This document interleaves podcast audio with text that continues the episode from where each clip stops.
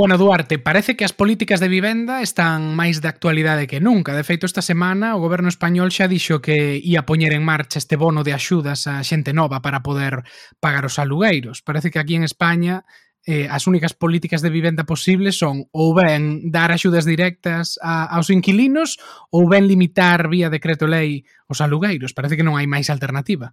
Así é, de feito, eu creo que nun, nun tuit Íñigo Rejón resumiu moi ben cale, que, que esta é a única dicotomía. Dixo algo así como que eh, esta axuda ao alugueiro sen regular os prezos é como facerlle un bizum a, aos caseiros. E, se, se ben é verdade que este tipo de axudas directas sí que tenden a rematar pois nos petos dos, eh, dos propietarios, tamén é verdade que existe todo un rango de políticas públicas de vivenda máis alá do control de, de alugueiros, que, bueno, creo que está bastante documentado que é unha política que en algúns casos pode xerar eh, efectos adversos e non é a única, non é unha solución máxica, non? ao problema dos, eh, dos alugueiros longos. Precisamente aquí no Té con Gotas, a semana pasada, intentamos abrir un pouquiño este debate comezar a falar doutras políticas de vivenda que se saian non desta dicotomía entre as axudas directas e o control de prezos, e do que falamos foi das cooperativas en cesión de uso. Exacto, cooperativas de vivenda en cesión de uso, que é un modelo a medio camiño entre o alugueiro e a vivenda tradicional e que, bueno, en países de Europa como Dinamarca xa ten bastante arraigo, de feito na cidade de Copenhague alrededor dun 30% das vivendas pois son propiedade de cooperativas deste estilo e que no Estado español pois comeza xa a, a, a ter certa presenza en cidades como Barcelona. Resumindo moito, a grandes rasgos, pois estas cooperativas eh, consisten en en, en cooperativas, como o seu propio nome indica, de persoas que se xuntan para eh, construir ou rehabilitar un bloque de vivendas uh -huh. eh, que finalmente pois pasará a ser propiedade da cooperativa, non dos cooperativistas. É dicir, os cooperativistas terán dereito a ser inquilinos das casas, pero nunca poderán poñer esas vivendas á venda ou alugalas a terceiros para sacar eh, beneficio. Por lo tanto, bueno, pois garanten un acceso á vivenda pois asequible, porque ao fin fin ao cabo están construindo de forma conxunta un bloque de apartamentos, un bloque de pisos a, a prezo, prezo de, de custe, custe claro, exacto, E por outro lado, pois evítase que se poida xogar eh, coa vivenda como un ben no mercado libre e especular con ela, xa que pois ao non poder venderse ou alugarse, eh, eh, sería sempre eh, un, un, un ben de uso para os cooperativistas,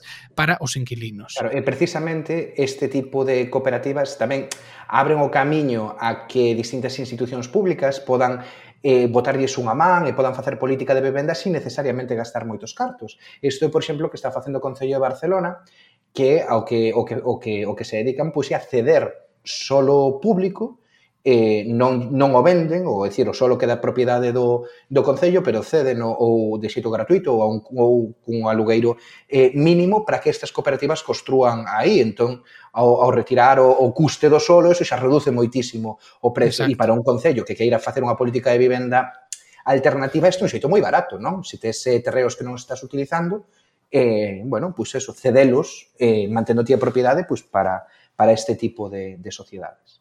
Claro, pero independentemente de que haxa un grupo de, de cooperativistas que pois farán unha, un capital inicial, unha chega inicial importante, levantar un edificio, rehabilitar por completo un edificio de vivendas, mm. implica un investimento importante. Isto xa sexa unha cooperativa ou xa sexa eh, un promotor inmobiliario como el Pocero, pois require habitualmente de financiamento de entidades eh, bancarias ou entidades financeiras, é dicir, os clásicos préstamos que os bancos dan pois eh, as promotoras eh, privadas habituais coa esperanza de que no futuro pois eses pisos serán vendidos, haberá un beneficio e o préstamo, por tanto, poderá ser pagado. No caso das cooperativas, e máis concretamente as cooperativas de vivenda en cesión de uso, bueno, pois semella que o xeito de eh, ser unhas entidades canto menos novidosas ou alternativas, pois está causando problemas a hora de acceder a estas canles de financiamento, o que, bueno, pois a efectos prácticos o que significa é que eh, teñen problemas problemas para poder comezar as obras e poder contratar pois o que custarían os arquitectos, que farían o deseño do edificio, o que custaría a compra de materiais ou o que custaría a contratación dos profesionais que, ao fin e ao cabo, pois construirían as vivendas. Precisamente isto foi o que nos contou eh, José Tellez a cooperativa Sostres Civic. La relación es nula. O sea, de hecho, la banca privada tradicional no, todavía no se ha puesto a financiar este tipo de proyectos. De hecho, la banca tradicional se niega porque prefiere endeudar a personas con nombre y apellidos que no a, cooperativas, ¿no? que no acaban de, de, ver claro este modelo. ¿no? Y yo creo que todavía están muy, muy reacios a, a, dar apoyo. De hecho, todos nuestros proyectos se financian con la banca ética y cooperativa que de hecho también se ajusta más a nuestros valores y, por tanto ya estamos cómodos y también a, financiación pública que también la hay, ¿no? Hay subvenciones estatales, autonómicas, etcétera, pero sobre todo eh, FIARE, Triodos, eh, COP50SET, que es una cooperativa, una cooperativa de crédito muy reconocida en el movimiento de la economía social y solidaria en Cataluña, pero con la banca privada tampoco insistimos mucho, pero porque nosotros trabajamos con una serie de valores, pero sí que tenemos hay cooperativas en Cataluña que, que, han intentado trabajar con la banca privada y siempre se han encontrado con la puerta cerrada, ¿no? Pero supo, suponemos que esto mm, acabará cambiando con el tiempo, ¿eh? Pero para, para este sector, mmm, escuchar hablar de cooperativas mmm, no les encaja mucho con, con, su política, con su política financiera. Sí, é verdad, claro. Ademais, En Galicia non temos entidades ou cooperativas de crédito eh, deste estilo, máis semellante que aínda queda eh, a Caixa a Caixa Rural con cooperativa de crédito, na que igual non ten os mesmos valores que esta cooperativa da que fala da que fala José eh, José Tellez, pero bueno, eu entendo claro que para todos estes eh, en iniciativas da economía social, da que falamos moito no, no, no Té con Gotas, é fundamental ter unhas estruturas financeiras que eh, apoien non todas eh, todas estas estas iniciativas é algo que podemos ver que se repite constantemente en todos os programas que fixemos, xa sexa sobre mm, community wealth building ou sobre calquera outro outro modelo. En o caso do, do Estado español e de Galicia en particular, o perder entidades como as caixas de aforros, pois aí sí que Isto fai que sexa para moitas iniciativas moitísimo máis eh, moitísimo máis complicado, pero bueno, sí que tamén existen algunhas, eh, algunhas alternativas ou algunhas propostas. Como, por exemplo, estas que nos comentaba Xosé Manuel Marcote, que é xestor eh, pois dunha empresa que se dedica ao asesoramento de cooperativas de, de promoción de vivenda en Galiza. El aposta ben ou por banca pública ou porque a administración se implique á hora de dar abais a este tipo de entidades hai unha, unha dificultade para poder obter financiación moi, moi grande.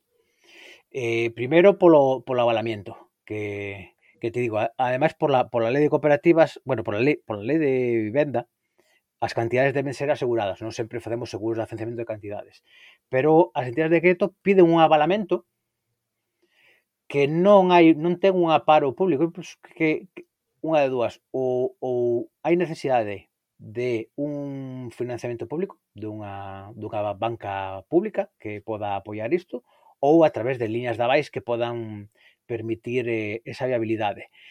As entidades de crédito privadas analizan a, as operacións eh, de promocións inmobiliarias por, por uns criterios de rendabilidade.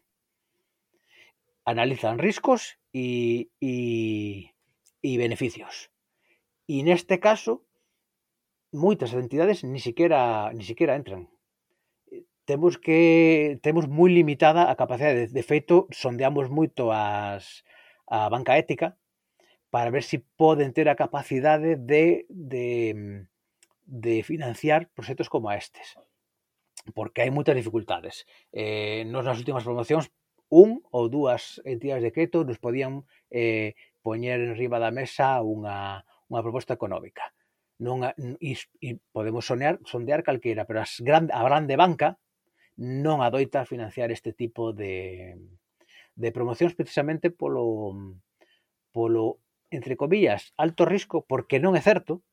De feito, eu lembro unhas conversas cunha entidade financiera na que nos recoñecían que o ratio de impago de vivenda protexida é infinitamente inferior ao de vivenda libre, con toda lógica Porque unha hipoteca de 400 ou 500 euros non vas a deixar de pagala cando unha de 800 ou 900 pois é máis é máis complexo, non?